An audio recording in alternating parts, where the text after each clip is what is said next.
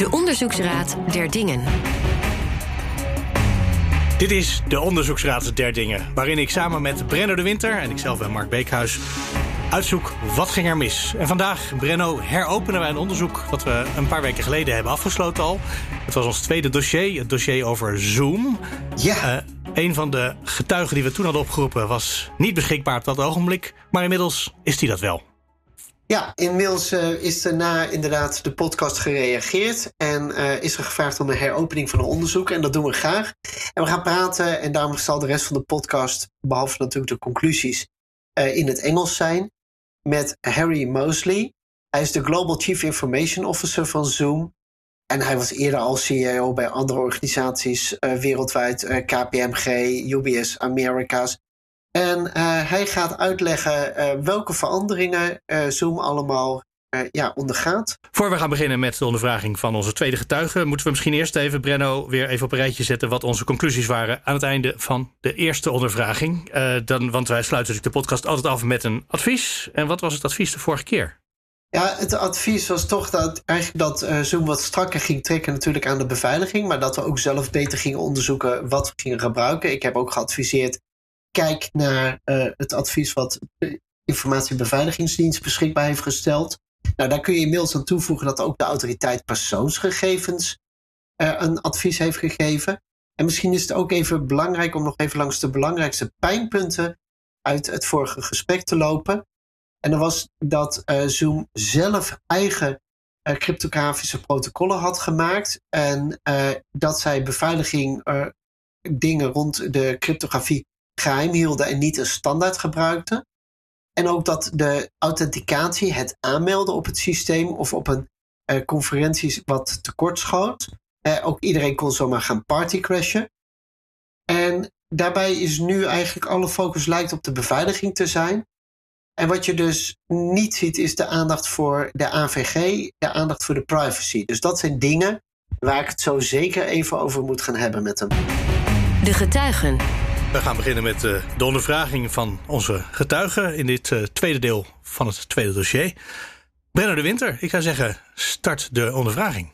Harry Mosley, uh, thank you for joining this investigation. you've been with Zoom for more than two years now. Everything was pretty corporate and standard, and then all of a sudden you woke up to this reality that um, nobody really was, you know, on video conferencing, and all of a sudden there was Corona. Well, and things I... changed, and all of a sudden you're in the center of a very heated discussion. what happened? Yeah, so um, uh, I'm not sure I would characterize it like that. It's uh, you know I retired from KPMG uh, in December of 17, and Zoom reached out to me shortly thereafter to uh, consider an opportunity with them to be their global CIO. And I joined, so as I said, I joined them in March of 18. And the reason I joined them was uh, based upon the fact that, you know, sort of collaboration locally, nationally, and globally. Uh, back then, um, you know, there was, you know, there were solutions, but none of them worked well. And when I dug in on the technology architecture of the Zoom platform and it understood its differentiating characteristics, I decided, um, I well, decided I was compelled to join them. And then all of a sudden, Corona happened, yeah. and everybody is uh, jumping on Zoom. And then all of a sudden, there's a whole bunch of criticism about security-related issues. Yeah, so let's uh, so let's just back up a, a little bit on that. Um, you know, we saw the coronavirus coming uh, coming to the planet um, early in January, and uh, I actually remember flying back from uh, Davos on the 25th of January and uh, talking to a talking to uh, a colleague from the United Nations about how Zoom could help, and then very quickly we started having conversation with the World Health Organization. And then we saw things like China going to shut down, and we decided that we would lift the minimum uh, 40 minutes restriction on our free service um, for uh, uh, China for for um, people to be connected because being in isolation is particularly hard, and we so we were uniquely positioned to see how we could help. And then we saw schools shutting down. And so we opened up our platform to schools for free. And we're very proud of all of what we did without exception. Um, we have over 100,000 schools uh, in 25 countries using the Zoom platform. We have governments around the world using the Zoom platform. We have every industry. I think we operating in something like uh, 226 countries and territories out of 241. And we're very proud about being able to help the world work their way uh, through this global health crisis. We also have seen, and uh, you know, sort of people using our platform from a social perspective for things like yoga classes, things like dinner parties, birthday parties, weddings, uh, church services on Sunday mornings, and things of that nature. So um, uh, it's been very, it's been a very humbling experience indeed. Can you uh, indicate how much you grew? The numbers that we disclosed, uh, I think a couple of weeks back, uh, you know, we were around about 10 million daily participants on the platform in December of 2019. In March, we disclosed we were now at about 200 million, north of 200 million daily participants. And a couple of weeks ago, we uh, commented that we were now over 300 daily meeting participants on the platform. So the number did not decline after this uh, discussion on privacy and security. Appears not to have been the case.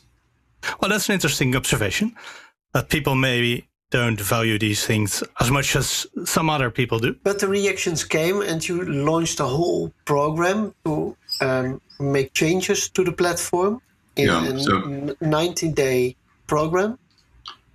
Yes, we uh, went public with our plans on April the 1st about a 90 day freeze on any new innovation on the platform.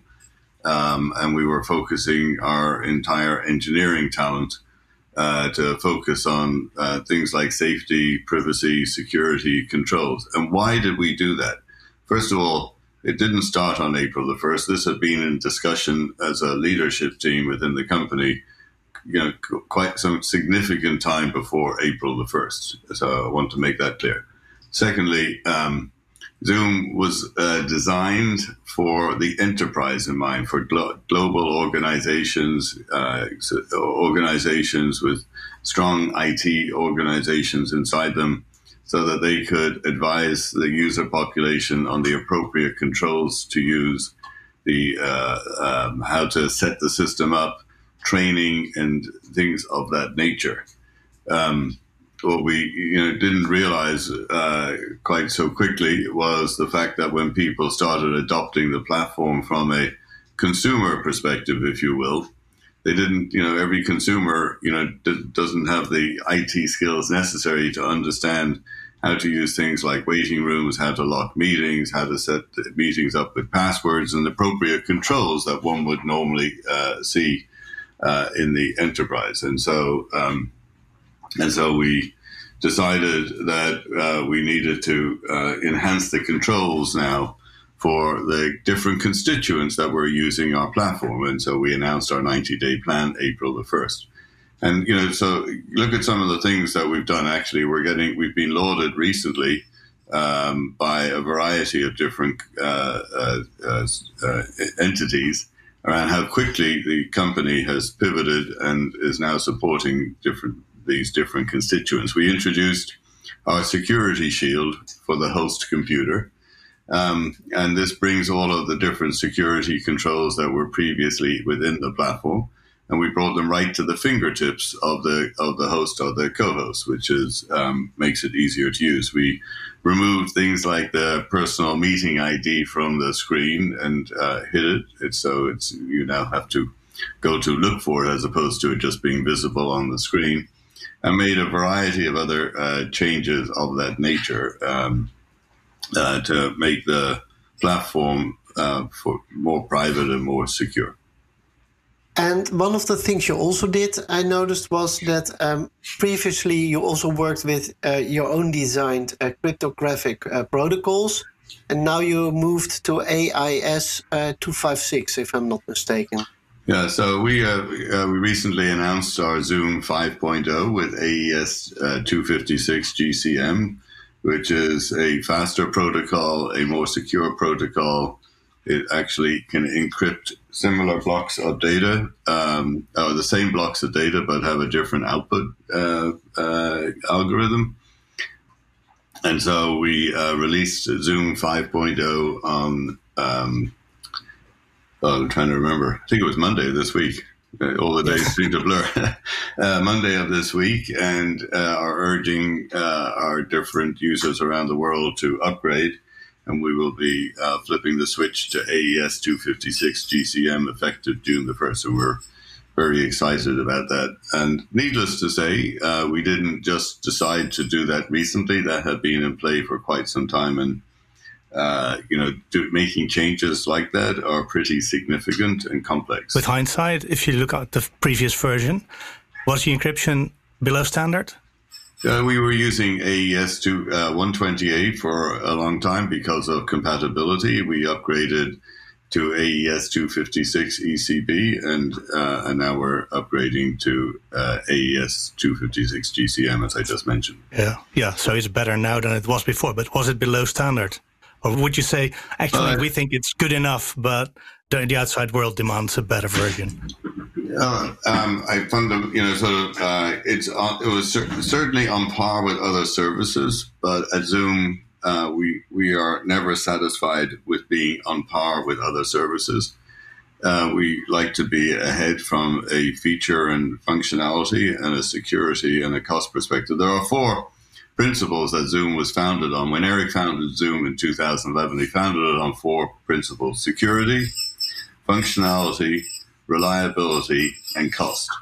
Being cost effective, that is. Um, and uh, we uh, we're very proud about the fact that uh, we are uh, seen to be the winner in all in all those categories. Um, you know, we get reviewed from a security perspective by thousands of organizations around the globe who have, uh, you know, sort of some of the uh, highest hurdles that I've ever seen in my career from a security perspective. And clearly we pass those, uh, their criteria. Um, in fact, uh, recently we've seen that, that, that we are getting through those uh, re- security reviews with those global organizations at a more rapid rate than what we've seen previously, which I think shows credibility of our platform what standard um, uh, are you being uh, tested on? Uh, is it uh, uh, the ISO related, or uh, are you talking about code reviews? Um, not sure I understand the question, and um, well, I would probably need to get somebody who is more familiar with our the, the standards that we're abiding by. Okay, um, that's clear. Um, besides the security, there was also uh, an, another point um, where a lot of discussion was, especially in Europe, on the privacy side of things. Uh, for instance, with a privacy statement, um, that um, a lot of experts doubted if it is in par with the, the European GDPR. Uh, is that something you are working on right now? Well, we fundamentally value the privacy of every person, and uh, you know we are uh, not interested in you know sort of marketing to uh, people. If you sign up for the free service, yes, you you know you you get marketed by Zoom, but we do not sell any credentials or any information on our people. We don't collect. We only data we collect is the data that's necessary to operate the service at a at a you know uh, from a reliability and a performance perspective. I, I understand that, but for instance, um, in Europe, the GDPR demands that you um, have a ground where you process data on, and then it's, uh, your privacy statement states, for instance, it's by um, uh, that you grant permission, and if you have other participants, you are responsible to get those participants to obtain the permission which is legally not possible. I'm really talking about those type of things that are currently in the privacy statement but are legally uh, not possible. Is that something you plan to do something about? So, uh, so a couple of things. I spent 40 years in technology, so I'm a technologist at heart. Um, I'm not an expert on uh, legal matters in our uh, uh, of that nature. So, if you would like, I'd be happy to introduce you to our GC who can uh, uh, talk to you about these these particular topics. But at the end of the day, we fundamentally do believe that we're compliant with uh, GDPR. Okay, clear, and we probably really would love that. Um, then, then we will take that as an action item. Thank you. Uh, now, recently, the NSA um, um, wrote a white paper, position paper on what steps you should take when using um, collaboration services. And uh, I don't know if you have seen that, selecting and uh, safely using collaboration service for telework. I have seen the document. I have not had a chance. I've been really busy, not had a chance to, to read it in uh, any level of detail. But uh, I do have a, I have seen a copy of it. Yes, uh, because um, it seems to that the issues like uh, end-to-end encrypting have been solved. Uh, that were there uh, first, and the other discussion items, most of them have been solved. But to my amazement, um, more factor authentication is something that is still open. Is that planned anywhere soon to to as an upgrade or improvement? I, well, I think if you look back over the last four weeks since we made our announcement about our 90 day plan, I think you have seen, you know, a number of, you know, sort of uh, step changes into the Zoom platform. And I do think, um, uh, without disclosing future plans, uh, I fundamentally, well, I don't believe, I know you're going to see some pretty significant announcements in this space over the course of the next couple of months. So, um, specifically around things like end to end encryption. So, you cannot say that it's going to happen, but you imply that it does. to which you cannot say yes, probably. we, uh, you know, I have to be uh, fundamentally careful what I say because of our quiet period. Ah, yes, I, of course. Yeah, the quiet period, that means that because you're enlisted at the stock exchange, right? Yes, we're listed on NASDAQ, yes. All the security meetings uh, you have on a weekly basis are now open to the customers as well. Can you explain a little bit about that? So, uh, as part of our plan uh, that we announced again April 1st, we also um, uh, did three other things. So, Eric, our CEO and founder, is hosting a Wednesday weekly webinar uh, uh, which I hope you guys are participating in, to hear, you know, um, uh, details of what we've done and the plans for the next week. So it's always reflecting last week and so one week back, one week forward type of thing, which is, uh, you know, a typical thing that uh, technology organizations do. So we, we do that on Wednesday morning. We also have established two other groups. Uh, one is called the CISO um, uh, Advisory Board and the CISO Advisory Council. And uh, together that comprises of about 35 uh, security experts uh, from uh, a variety of our clients in different geographies and different industries around the world. And the fundamental uh, function of this body is to give us guidance and advice and help us on it from a prioritization perspective on new features. And I would like to be abundantly clear on this topic. This is not new features because there's holes in our fabric. These are new features that we need to add to the platform because of the variety of different constituents that we're now serving.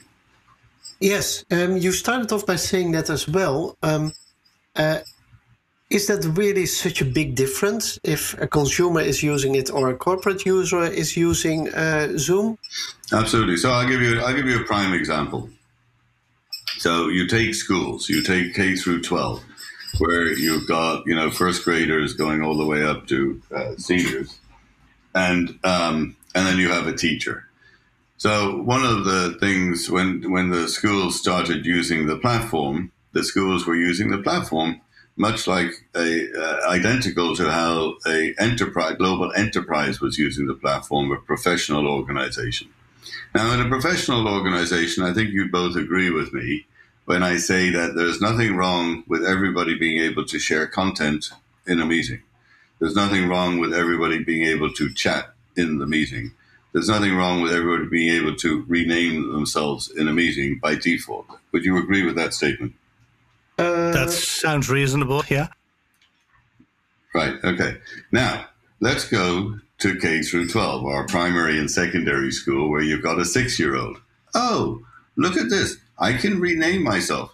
So instead of calling myself Johnny Smith, I can choose to rename myself to Mickey Mouse.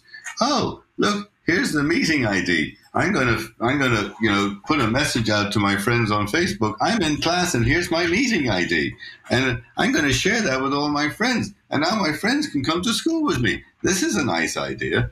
Oh, you know, I can share photos. Look at this. I'm going to show my new puppy.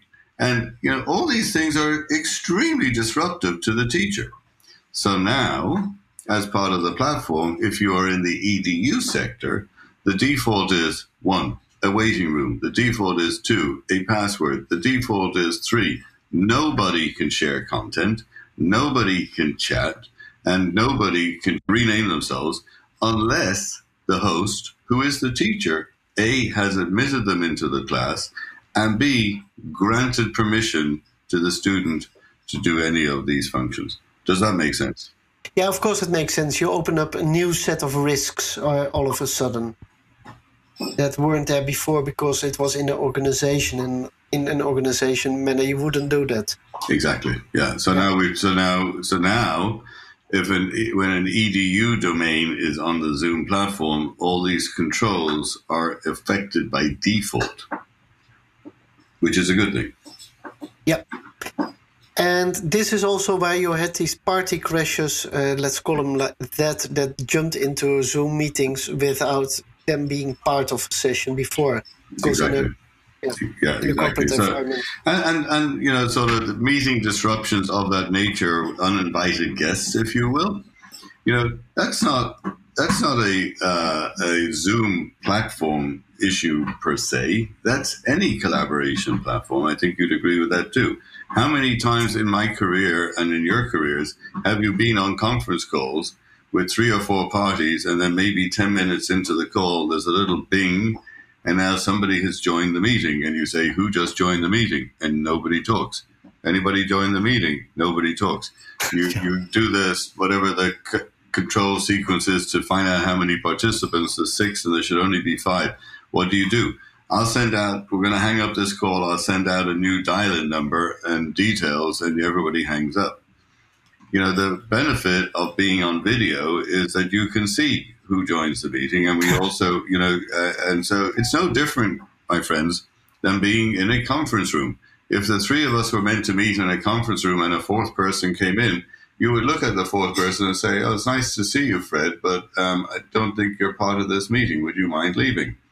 Maybe you don't know the person and it's a total stranger, and you turn around and say, "I'm sorry, you're not part of this meeting. Would you mind leaving?" And now we introduced a new feature on Zoom when you see unwanted guests in your environment. Not only can you um, not only can you uh, uh, reject them from the meeting, you can actually report them as an intruder, and to our trust and safety team, who will then follow up and uh, I, uh, and get uh, authorities as appropriate, uh, get in touch with the appropriate authorities to do the necessary investigations. Okay, but your company set out to make this most user-friendly, uh, high-quality product, and did you never consider that? Well, if you have a product that is very easy to use, that the general public will sooner or later start using it. We were focused on the enterprise. We've always been focused yes. on the enterprise and focused on ease of use and security in the enterprise with things like single sign-on and a variety of other controls of that nature. Um, uh, we, we, so this just, just didn't cross your mind. Uh, we it wasn't part of our plan. It, we were focused yeah. on the enterprise. One final uh, question from my side. Um, given all these changes and the the the, the change um, yeah, field with all the risks in it, do, do you now also change your communication to people? Because I can imagine that the logic consequence would be that if people need to use a product in a certain way as well, you need to explain more that you that necessity wasn't there before. That's correct, um, and thank you for that. Uh, yes, we've uh, been rewriting our documentation. Uh, uh the documentation that we wrote in the past wasn't uh, uh, was fit for purpose from a enterprise perspective, but we need to make it quote more user friendly so that people can actually understand it better. Um, we've also upticked our education and training curriculum. So for you know, so now on our on our if you go to blog.zoom.us, um, you will find uh, a lot of information about how to secure meetings, how to uh, um, do classes for K through 12, what are the best practices, etc. And um, so we've we really and we're doing. Uh, I've forgotten the frequency because it's all a blur but we're doing daily webinars for people uh, multiple times a day, every day of the week, uh, in different time zones for people to join and get uh, get training on our platform. So we've uh, we've certainly done a big uptick in the communications uh, out to the different constituents and providing a variety of different training materials and collateral for people. Um, so you've went through a few weeks of fierce uh, criticism from the outside world uh, about privacy, about security, and you've responded to that in the last few weeks. Um, if you look back at the start of that, was it fair what the criticism was all about? I think you know, sort of. There was a uh, an article uh, published. I think it was last week by. Um, uh, I think the person's name was Sam Curry. You can you can Google it, or I can Google it later and share it with you. Uh, I think it was. Um, and and he and his commentary uh, was something along the following lines of, of I might I think I'll do a reasonable job. So he said, first of all, it's kind of like you know most companies, you know, growth going from 10 million daily participants to 300 million daily participants over the you know sort of optimistically, you know, sort of over a year or maybe worst case over two years. That would they would be thrilled to sort of grow by a magnitude of 30 times over a year or two years. I think we'd all agree on that. And, you know, an awful, and we drew an awful lot of attention with that mega growth because everybody's now working from home. And, you know, sort of, so to, to say, uh, to say we were taken by surprise, uh, from multiple dimensions, I think the answer to that question is kind of yes. Um, and, but there was a lot of, you know, sort of, uh, repetition of the same issues being raised. And, um, you know, we're, we're a humble organization. Um, you know, we, we take every issue uh, very seriously and we look at it from the perspective is it true or is it false? And if it's true, what's the root cause and what's the solution? And then we go about it. And I think you have seen that, you know, sort of where there were specific uh, issues, we were extraordinarily quick to react. I think most cases we resolved it within 24 hours, uh, and uh, only in one or two cases, maybe 36 or 48. But uh, typically, we respond to these things in a variety, you know, uh, uh, with extreme urgency. Um, because we value the privacy and we value the security of our users and the trust that they put in us. Can there be a discussion about how Americans view privacy and how Europeans see uh, see that? Um, well, the only thing you'll get from me on, from that perspective is my personal opinion. so yeah, uh, with so, an Irish background and family in uh, in Zurich, so maybe a half European. Yeah, yeah. My wife is Swiss and uh, I'm Irish, and we you know, I've lived in the US for forty years. I think that there's a large discrepancy, to be honest, between sort of people and, and also generations. You know, when I look at my children as an example, uh, you know, a little bit of, you know, sort of uh, more naive, uh, didn't take security seriously until, you know, their credit card got compromised, right? It's like, you know, you get a call from, you know, your kid in college Hey, Dad, it's like something's weird on my credit card. What's wrong? Well, I got all these charges from Home Depot that I didn't put on there. Oh, really? Okay, okay. It's like, you know, and now, the, so now they have to get their you know, credit card replaced or whatever. You know, I remember like my younger son, um, my wife called my younger son uh, one late afternoon and she wanted to talk to him. And he said he couldn't talk now. Why? He's talking to Microsoft. And my wife is also in technology. And she's like, What do you mean you're talking to Microsoft? Yeah, Microsoft called me because they saw something weird on my computer.